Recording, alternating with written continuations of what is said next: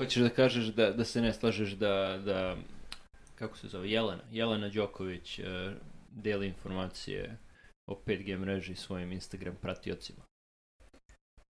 Pa mislim da u ovim trenucima takve stvari su naj, najmanje potrebne, jer mjesto samo da budu buka u moru informacije koja, koja navire, um, kako više saznajemo o cijeloj ovoj situaciji i samom virusu, je u stvari vrlo kontraproduktivno jer tera ljudi da razmišljaju o stvarima koje nisu utemeljene u stvarnosti i onda otežava formiranje uniformne javnozdravstvene politike i uniformnog stava javnosti. Ne kažem da institucije i pojedinci u tim institucijama od odgovornosti ne snose svoju, mislim, ne snose, kažem, odgovornost za svoju neodgovornost, um, ali mislim da je vrlo kontraproduktivno slati ovakve kvazi signale u, u eter od kojih onda ljudi dalje razvijaju i troše svoje vreme na razmišljanje o ovakvim stvarima. Mislim, ne čudi me, um, ali ono što mislim da sada sa proliferacijom informacije i time kako sad svi časopisi na temu covid recimo, uh,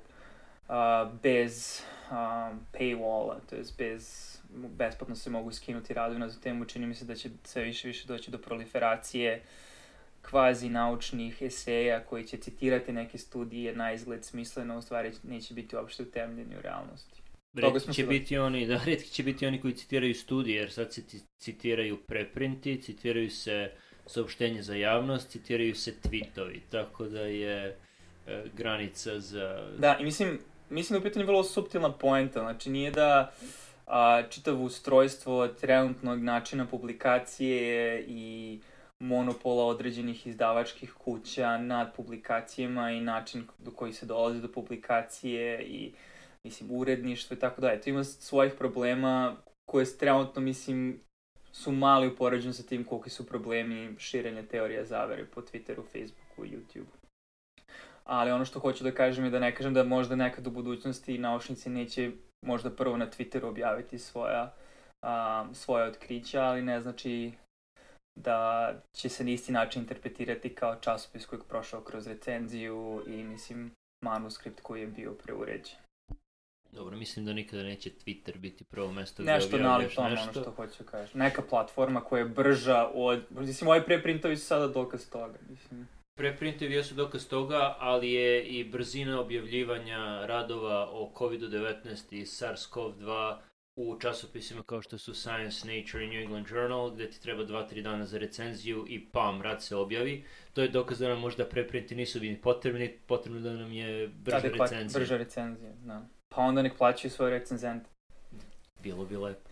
Mislim da, da ne otvaramo sad tu temu koji su problemi publikacije uh, u, u zvanom naučnom mainstreamu. Um, ali hajde da se dotaknemo trenutno barem nekih većih um, opštih mjesta tiče se zablude o koronavirusu koji trenutno kruži. Da, mislim da je najveća ta o, odakle virus došao i mislim da ima, ima previše teorija zavere za nešto što je toliko jednostavno i nešto što je moglo da se očekuje i nešto za što smo znali da će se desiti poslednjih bar 15-20 godina. Ko ne veruje, neka vidi film uh, Zaraza ili Contagion Stevena Soderberga. 2009. 2009. Mislim da, da 2009. 11 godina. Uh, koji im, ima, uh, odličan je film uh, i inače volim Stevena Soderberga. 2011, izvinjam se. Dobro, 9 godina, 2011 ali, ali preslikava stvarnost. Skoro pa preslikava stvarnost. Imali su dobrog virologa ili virusologa koji im je davao naučne savete i to se vidi i čovjek je imao skoro intervju gde su ga... Sve mi palo pamet da ljudi koji su savetovali ljudi koji su radili na tom filmu, bilo bi dobro da su oni savjetovali trenutno izvršnu vlast. bilo bi dobro, bilo bi dobro. U pitanju je, uh, stavit ću Jer link ta, na... ta, tadašnja Amerika je imala mnogo bolji odgovor na ovakvu vrstu, mnogo zaraznijeg i mnogo smrtonosnijeg virusa. Ne možemo da komentarišemo odgovor naših poslodavca, hvala. Uh, stavit ću link na, stavit ću link na taj intervju, pošto su imali intervju sa tim, sa tim čovjekom, čijeg se imena trenutno ne sećam ali za ovo se znalo. Čak je moglo da se precizira u tom filmu, spoiler, virus dolazi iz uh, izmeta slepog miša. Uh, za koronaviruse zna se da cirkulišu kroz miševe i kroz druge divlje životinje, uglavnom u Aziji. E, miševi, slepi miševi, pardon, imaju jako loš imunni sistem i treba da imate slab imun sistem ako pijete krv drugih životinja i onda dolazite u kontakt sa puno različitih patogena i onda ako imate prejak imun, imunni sistem možete imati burne reakcije i bit ćete bolesni stalno. Uglavnom, slepi miševi imaju jako loš imunni sistem, puštaju da im svašta cirkuliše i od toga ne oboljevaju generalno. I zna se da postoji puno različitih varijanti koronavirusa koji cirkulišu kroz slepe miševe. I 2015.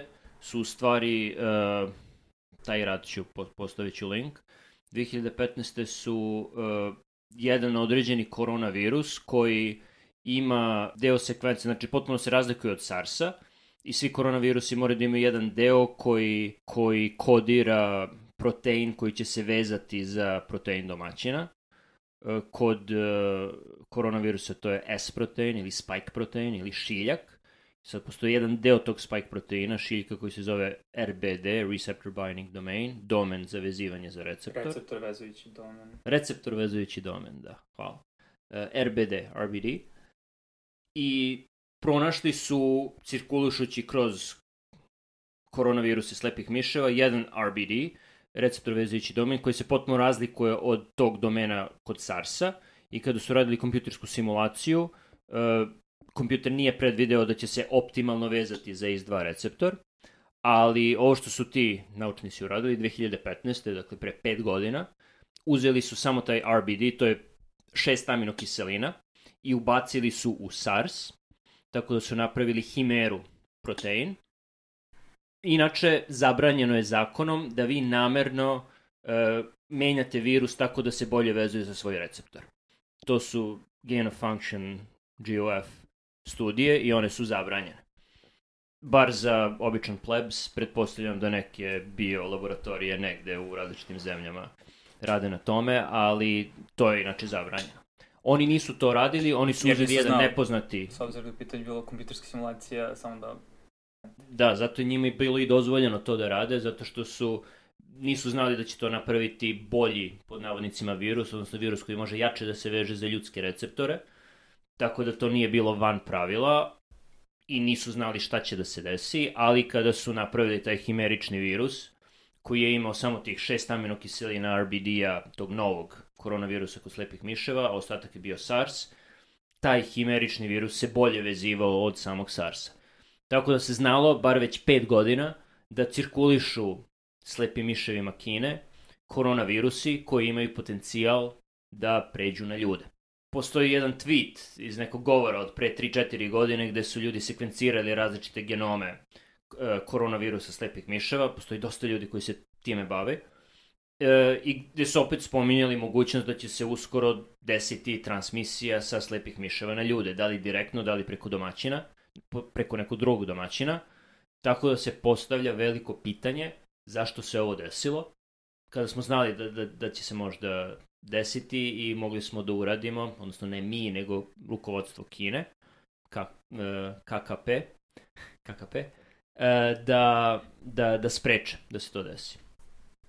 Pa da, mislim, i ono što je zanimljivo opet ovo studio, uh, jedan od glavnih je da taj receptor vezujući domen je samo nekoliko aminokiselina i nasumičnim izmenama u tim aminokiselinama, a znamo da su mutacije kod RNK virusa um, relativno česte, često dešavaju. Uh, samo u izmeni nekoliko tih aminokiselina značajno se može promeniti afinitet i virulentnost samog virusa, gde su oni baš ovde, u pitanju životinski eksperiment, ali pokazali potpuno drugačiju, po znacima navoda, kliničku sliku patogenosti na samim miševima, a sa druge strane pokazali i da je a, virus a, infektivan i na ćelijama, humanim ćelijama, humanim ćelijskim kulturama. Um, I ono što je opet bilo zanimljivo, ovde su pokazali da tada postojeća antitela za koje smo da su neutrališće na SARS nisu neutralisala ovo, a takođe da i terapije a, koje su postojale tada a, antiviralne nisu bile efektivne a, kao, što, kao što su bile in vitro za SARS, te samim tim opet sugerišu da će se javiti potencijalno novi soj na koje terapije koje do sada imamo neće imati pretjeranog efekta. Da, i onda meni nije jasno, kad smo već znali da će se to desiti i pre pet godina u ovom radu, pre devet godina kod Stevena Soderberga, znali smo i potencijalni mehanizam, zašto sada moramo da prizivamo 5G mrežu ili kineske laboratorije ili američke laboratorije koje bi to napravile kada smo mogli da predvidimo da će se ovo desiti sasvim prirodnim putem. Mislim da je jedan razlog tome što većina ljudi, a tu bi svrstao i nas, zato što ni mi nismo pratili ovu literaturu do skoro, nije, recimo ni ti ja nismo znali za ove radi iz 2015. do ove godine, složit ćeš se sa tim. Da. A, tako da ljudima u tim krugovima, viro, virolozima, to je virolozima, virusolozima, a, mikrobiolozima koji su pratili ovu literaturu, to jeste bilo jasno ljudima koji su pokušali da a, se, da kažem, bore za promenu u politici i javnozdravstvene određenih zemalja, oni su bili svesni toga, ali mislim da većina ljudi nije i mislim da većina ljudi i dalje nije svesna ove literature, te samim tim se vezuju za nešto iz okoline dok skupljaš informaciju što deluje kao da ima smisla. A, koja je velika promena koja se dešava sada? 5G mreža, a i onda se javi lekar ili pseudo lekar, to je lekar bez dozvole, koji na britanskom akcentu drži predavanje od 15 minuta i vrlo onako a, sa bogatim vokabularom objašnjava pogrešno objašnjava osnove fizike i fiziologije, na momente se osvrće na to da virusi ni sami po sebi ni ne postoje, da to nisu ni čestice, da je to toksini. I sad se vraćamo, mislim, postoje mnogo slojeva u toj teoriji, zavisi kom delu te teorije se, da kažem, ono, privržavaš, si privržen. Um, ali na, na svakom od tih nivoa je vrlo lako uh, u potpunosti, mislim, kontraargumentovati uh, ovu teoriju zavere. Mislim da e, ljudi kad hoće da objasne nešto, oni se vraćaju onome što im je najbliže, teorijama koje su im najbliže. Mislim, mi o, ovome smo pristupili potpuno agnostično i onda nađeš nešto što ti ima najviše smisla i vidiš aha, ovo radi i praviš najjednostavniju priču ali nije svakome ta priča najjednostavnija, na primjer taj lik o kome pričaš, mislim da nećemo ga linkovati na YouTube, Jelena Đoković je to već uradila. On je i pre toga imao neke teorije o uticaju mikrotalasa i Wi-Fi mreža na zdravlje ljudi. I onda ti ako već imaš u glavi priču, aha, Wi-Fi je loš, 5G mreže, mreže su loše, došao je koronavirus, ok, ono što sam već znao da je loše je sada uzrok za koronavirus. Mislim da se tako te, te šeme stvaraju u glavama ljudi. Da, mislim sad, mi mislim, ove su i neke stvari koje smo mi, mislim, kroz koje ljudi prolaze kroz određene, kažem, stadijum njihovog obrazovanja, ali on, osnovna stvar je da, mislim, radio talas i svaka vrsta radio talasa, bez obzira na frekvenciju, spada u neionizujuće zračenje. To je za sada ne postoje dokazi da ovi, ovakva vrsta a, zračenja, po znacima navoda, menja na bilo koji način a, hemijsku strukturu a, molekula koji ulaze u sastav ćelije, da li to bili nukleinske kiseline u sastavu gena, da li to bili proteini koji, utiču, a, koji formiraju strukturu ćelije.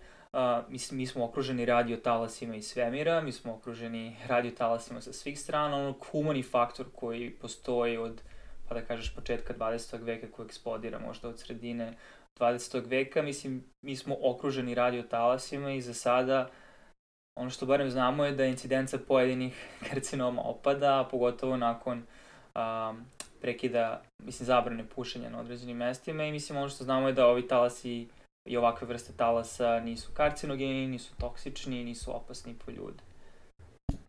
Da incidenca nekih drugih karcinoma raste. Dok sam, dok sam izgovarao tu rečenicu, svat, pretpostavio sam šta ćeš da kažeš, ali mislim da je to stvari čak i, i dobro nadovezati se na to da ne kažem, ne kažem ovim da ne postoje stvari u sredini i stvari koje su posledice humanih intervencija na sredinu i prirodu oko nas potencijalno ne dovode do štetnih a, posledica po ljudski organizam, ali da sa velikim stepenom sigurnosti možemo da kažemo da radio talasi i radiofrekventni talasi to nisu. Da, slažem se. E, rak na, na koji sam mislio je, su limfomi, čija incidenca raste od 70. godina na ovamo i pretpostavlja se da uvođenje novih materijala u sredinu, plastika, polimera itd. doprinosi tome. Ne postoje dokazi konkretni. Zna se da amiši imaju manju stopu karcinoma i vezanih za pušenje i onih koji nisu vezani za pušenje, uključujući limfome, tako da postoje neke neposredne, neposredni dokazi da, da je to tačno, ali, uh, ali radiotalasi definitivno ne izazivaju rak i ne, definitivno ne bi izazvali mutacije koronavirusa takve da oni budu sposobni da zaraze ljudski domaćine. I mislim, samo još jedna stvar, ne želim da dajem previše vremena i prostora diskusiju na ovu temu, ali verujem da možda neko potencijalno ko sluša ovo će reći, ali zašto se niste onda osvrnuli na to, šta, šta od čega bežite. Um, mislim, jedno, jedno od delova te teorije u stvari da, je da virusne čestice uopšte ne postoje, već da je bolest kao takva Uh, I naravno, postoje mnogi modeli bolesti kroz istoriju medicine i ne kažem da modeli koji sada imamo nisu pogrešni u određenoj meri, manje ili više, mislim, to je deo napretka. Um, ali da jedan od tih modela bolesti, da ga tako nazovem po znacima navoda, se um, uopšte potpuno negira postojanje virusa kao infektivnog agensa, već kaže da je bolest kod čoveka i ovakvih vrsta bolesti i ovakvih pandemija čak rezultat toksičnosti sredine i lučenja toksina od strane ćelija. Problem samo u toj teoriji što ta teorija ne dokaziva na neki način, dok mi vrlo lako možemo da dokažemo da virusi postoje s obzirom da kogod provede dovoljno vremena u laboratoriji da izole neki virus, da njim inficira ćelije, da sekvencira genom tog virusa, može to da uradi sa alatima i to je reproducibilno. To može da uradi, može da uradi svaka osoba koja uloži dovoljno vremena i truda i nalazi se u pravim uslovima za to. Tako da na neki način vidim tu razliku između toga da, mislim, ono što mi radimo u laboratorijama i ono što, mislim, vidimo u svojoj praksi, ipak uh, daje dokaz o tome da ono čemu pričamo postoji. Da, virusi postoje, znamo već neko vreme, da, virusi imaju svoje genome i da, ti genomi se menjaju. Um, I možda sada možemo da se nadovežemo i na uh, sekvenciranje genoma koronavirusa, odakle on potiče i šta znamo do sada o SARS-CoV-2 virusu. Da, kada su... Uh, pre nego što pređemo na to, samo da, da dam komentar da smo proveli previše vremena objašnjavajući ljudima da virusi zaista postoje. Uh, ali, kada se pojavila povećana incidenca ozbiljnih upala pluća u Wuhanu, u provin provinciji Hubei u Kini, um, lekari tamo su uzeli uzorke bronhoalveolarne lavaže, tih pacijenata, mislim da ih je sedmoro bilo, ako se ne veram, nemam tam taj rad ispred sebe. Bronhoalveolarna lavaža se dešava u toku bronhoskopije, gde ulazite sa sondom u pluća, izbacujete tečnost, usisavate tu tečnost i gledate šta ste pokupili iz plućnog tkiva. Da, to sam hteo sledeće da kažem, A, ali dobro. Da. okay. I onda, uzeli, znači uzeli su te uzorke, izolovali su uh, genetski materijal odande, E, sekvencirali su taj genetski materijal i uporedili su ga sa genetskim materijalom u postojećim bazama. I ono što su otkrili je da genetski materijal koji se na, nalazi u toj tečnosti se oko 80% poklapa sa genetskim materijalom SARS virusa. SARS je, ne znam ništa o SARS-u, nisam virusolog, niti se bavim infektivnim bolestima. Uh, moje laj, laičko znanje o SARS-u je da je, kada je to bilo, pre 20 godina skoro, je pronađen uh, u sličnom delu Azije, gde su opet ljudi, uglavnom mladi ljudi oboljevali od ozbiljno, ob, ozbiljne upale pluća i postojale su, uh, postojali su strahovi da će se to pretvoriti u pandemiju, ali virus je uh, prerano ubijao ljude koji su obolili njime, dakle smrtnost je bila 20 do 30%, ako se dobro sećam, i nije bila toliko infektivna, jer um, SARS virus nikada nije bio izolovan iz uh, ždrela ljudi, isključivo je bio izolovan iz uh, tih BAL, bronhoalveolarnih lavaža, tako da nije bio ni toliko infektivan i ta epidemija, koja se nije pretvorila u pandemiju, je odumrla sama od sebe. Samo, mislim, pretpostavka da nije bio toliko infektivan prisiš iz toga da virus Dakle, niste mogli da izolujete sa prisustva sluznice, nosa i grla, što znači da potencijalno se nije toliko izbacivao da. za razliku od novog koronavirusa. Ili da budemo još precizniji, RNK tog virusa mogla je da se izoluje iz brisa sluznice, grla i nosa, ali to je bila samo RNK, te čestice nisu mogle da inficiraju ćelijske kulture. Tako da je pretpostavka bila da je to neka RNK koja je ostala iz sputuma, iz pljuvačke ljudi, iz ispljuvka ljudi koji su, čiji se virus replicira u plućima. E, Dakle, 80% se poklapao sa SARS-om, tako da je bio koronavirus, ali je to ipak bila prevelika razlika da bi potekao direktno iz već poznatog SARS-a. I onda su gledali bazu drugih koronavirusa koje znaju, ljudskih i životinskih. Ljudskih nema puno, do ovoga, SARS-CoV-2, bilo ih je šest, četiri endemska, SARS i MERS. Uh, MERS je Middle Eastern Respiratory Syndrome i e, nije se poklapao sa njima, ali se 90, imao je 96% e, identičnu sekvencu sa koronavirusom slepog miša. E, RATG13, ako se dobro sećam, pošto opet nemam rad ispred sebe. I, dobro se sećaš. Odlično. Tih 96% nije bio RBD, znači taj receptor binding domain, taj domen koji je određivao receptor za koji će se virus vezati nije bio identičan, ali je dovoljno ostatka virusa bilo identično da mogu sa nekom sigurnošću da kažu da, da je ovaj SARS-CoV-2 potekao iz tog virusa slepog miša. RBD im nije bio isti, ali moglo je da se pretpostavi da je ili došao sa slepog miša direktno u ljude i da je u nekom ljudskom domaćinu napravio tu mutaciju da se RBD uh, promeni tako da se bolje vezuje za, za AC2 ili ACE2 receptor kod ljudi. Ili je prešao na neku drugu životinju i da je u toj drugoj životinji mutirao tako da RBD bude uh, takav da se dobro vezuje za ACE2 receptor ljudi. No, ono samo što želim da pojasnim da ACE2 receptor postoji kod drugih sisara i da postoji određen nivo sličnosti između njega kod slepog miša, mačke, lasice, psa. Um, te tako da dok virusi dok cirkulišu kroz slepe miševi ne, izazivaju veliku patogenost, kod ljudi potencijalno mogu i to sve zavisi od tog recept, receptor vezujućeg domena. I neki način ono što ti kažeš je da je taj virus cirkulisao kroz slepe miše možda je došao do ljudi, ali bio kao mnogi koronavirusa koje imamo u sezonama prehlade, znači nije bio ništa posebno a, patogena, da tako kažem, ali dovoljno vremena je proveo između ljudi, recimo, da mutira i razvije veći afinitet, ili sa druge strane druga teorija da je taj virus cirkulisao kroz različite životinske vrste i opet u tom trenutku doveo do izmene tog segmenta za receptor vezujući domen dovoljno da se jako, jako vezuje za ljudski receptor i da, a, mislim, ima veliki afinitet za njega. Da, kada su radili kristalografiju i elektronsku mikroskopiju, krio elektronsku mikroskopiju um, SARS-CoV-2 sa ACE2 receptorom, pokazali su da se vezuje hiljadu puta jače od običnog virusa SARS-a, tako da je to bila jako efikasna uh, promena na RBD-u, na receptor vezujućem domenu. I, mislim, ono samo što hoću kažem, i verujem da dosta ljudi u ovom trenutku postalo pitanje pa kako je do toga došlo i kako je to postalo odjednom toliko efikasno.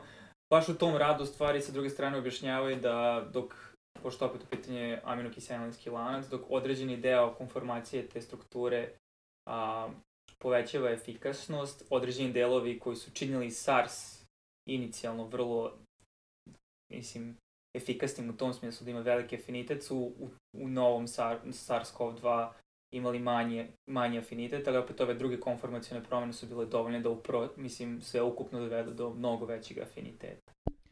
Uz to, e, dobio je još jednu mutaciju koja ne postoji u SARS-u, koja ne postoji ni u ovom RATG13, a to je određena promena e, furin vezujućeg domena, ne, ne, ne, ne mora niko to da zna, mislim, nije to nisam znao do pre nedelju dana, iskreno, ali tu promenu ima, na primjer, imaju neki virusi gripa, uključujući ptičji grip, da. koji čini virus mnogo infektivnijim, jer je to mesto gde ACE2 receptor preseče spike protein, tako da je virusu lakše da uđe u samu ćeliju i tu promenu nisu imali, nije imao SARS, nisu imali, neki, stvari, ne sjećam se da je bilo koji koronavirus to imao, nije imao ni virus u pangolinu. No. Znači, to je bila potpuno nova promena koju je SARS-CoV-2 učinila još infektivnijim. I mislim sad posle različite teorije, mislim da ni za sada nema dokaza zašto to čini toliko infektivno, to što ste rekao je jedna od pretpostavki, ali opet da ne zalazim previše u biohemiju, ali prisustvom tih delova za modifikaciju, a još jednog segmenta gde dolazi do glikolizacije aminokiselinskih nizova, to jest vezuju se šećeri za samu aminokiselinu, a znamo da šećeri vezani za proteine prave mukus, tako da postaje sluzaviji. Potencijalno štite ovo mesto a, virusa od neutrališućih antitela. Barem je to isto jedna teorija, da omogućava znači, da se on lepo veže za receptore, s druge strane antitela ne mogu tako lako da mu pristupe zbog modifikacije koje on ima na sebi. Da. E, ako neko, ako bilo ko još uvek sluša ovo, samo da kažemo da e, ovo sve što smo rekli e, napisali su mnogo pametni i stručni ljudi od nas, grupa virologa, virusologa, nazovite ih kako hoćete, iz nekoliko različitih institucija, koji su u jednom radu u Science-u, čini mi se, uh, objasnili zašto ovo, verovatno, verovatno, zašto ovo nije virus nastao u laboratoriji i zašto je ova priča da je ili direktno sa slepog miša prešao na ljude ili da je sa pangolina prešao na ljude, pošto u koronavirusima pangolina, koja je jedna životinska vrsta za koju sam ja naučio od svoje čerke, koja je o tome učila u školi, Opa. mi sigurno nismo, nisam znao za pangolina. Um, dakle, u koronavirusima pangolina pronađen je jedan koronavirus koji nije toliko sličan SARS-CoV-2, ali mu je ovaj receptor vezujući domen, RBD, identičan.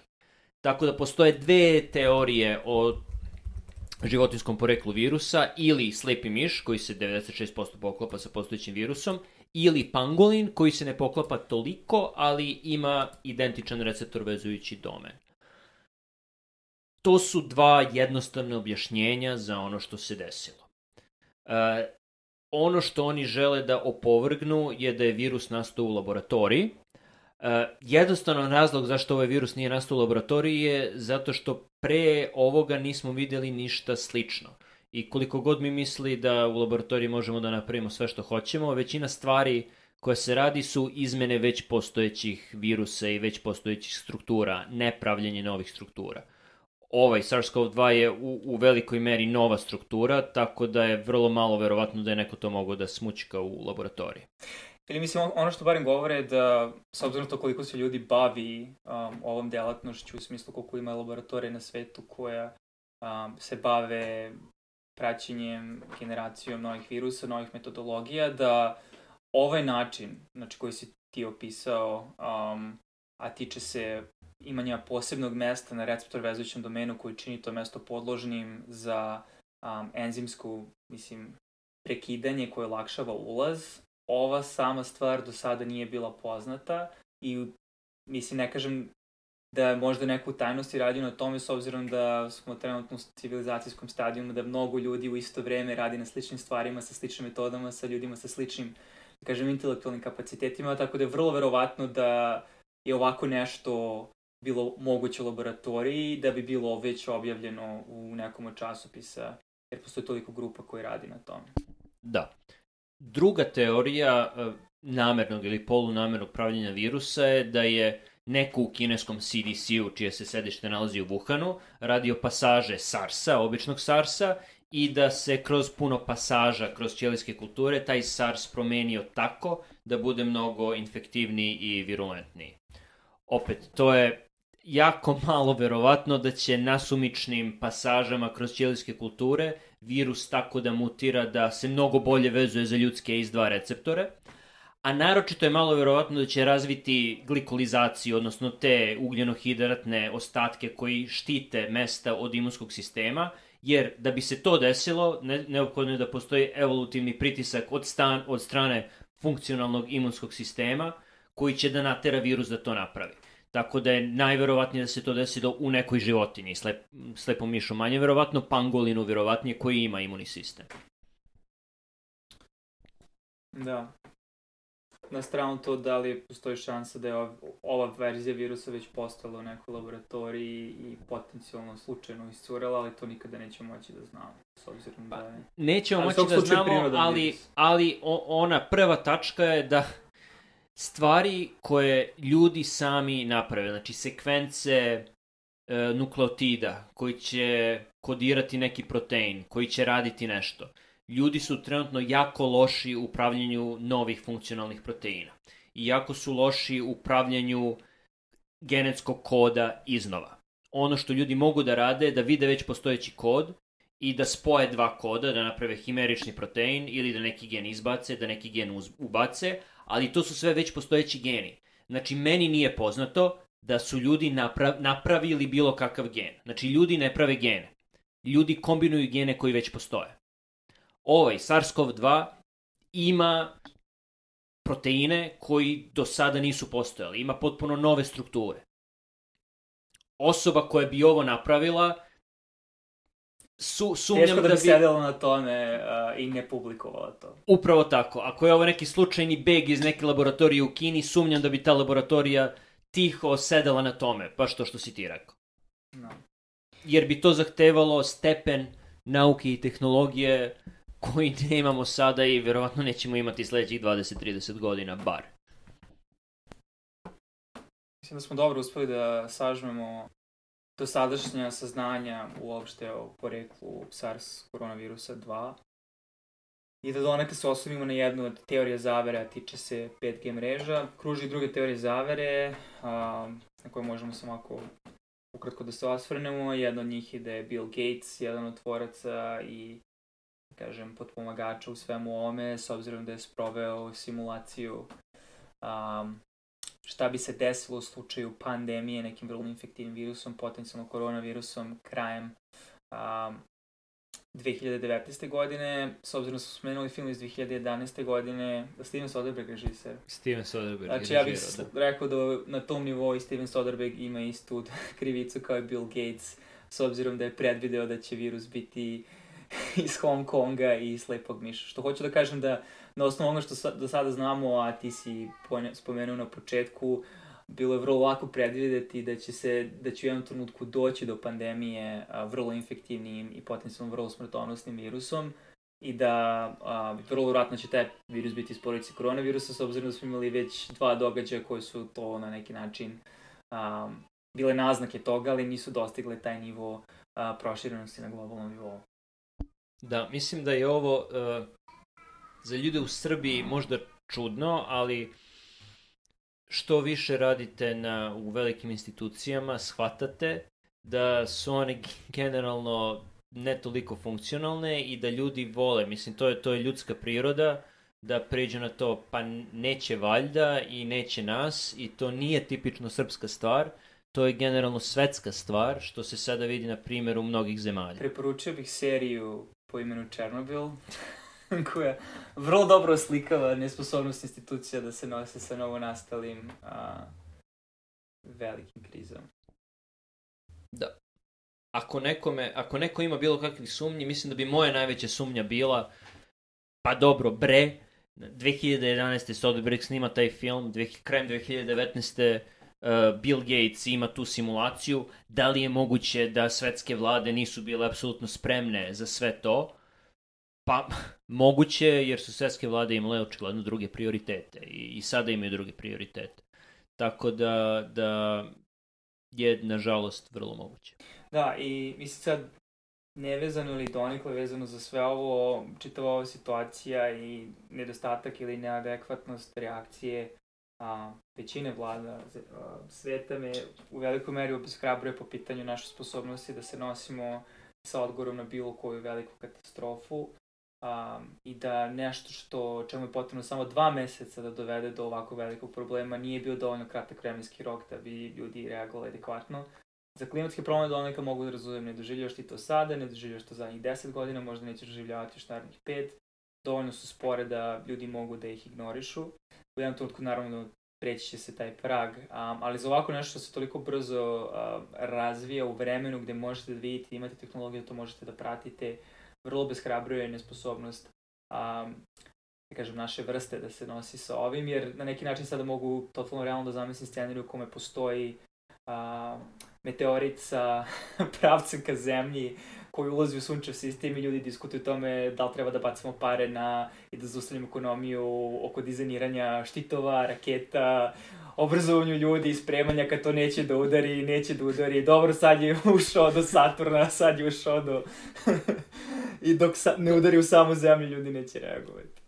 Mm, nisam siguran da, Kažem da samo da me donekla bez hrabruje, samo a, menjam svoj ono pre, da. pre-test probability, svoju predverovatnoću da ćemo biti uspešni u tako nešto. Ali velika stvar je da mislim da ljudi i dalje mnogo više veruju fizičarima i astrofizičarima nego biolozima i lekarima. Sa, sa pravom, sa pravom. Kao lekari možemo da kažemo sa pravom.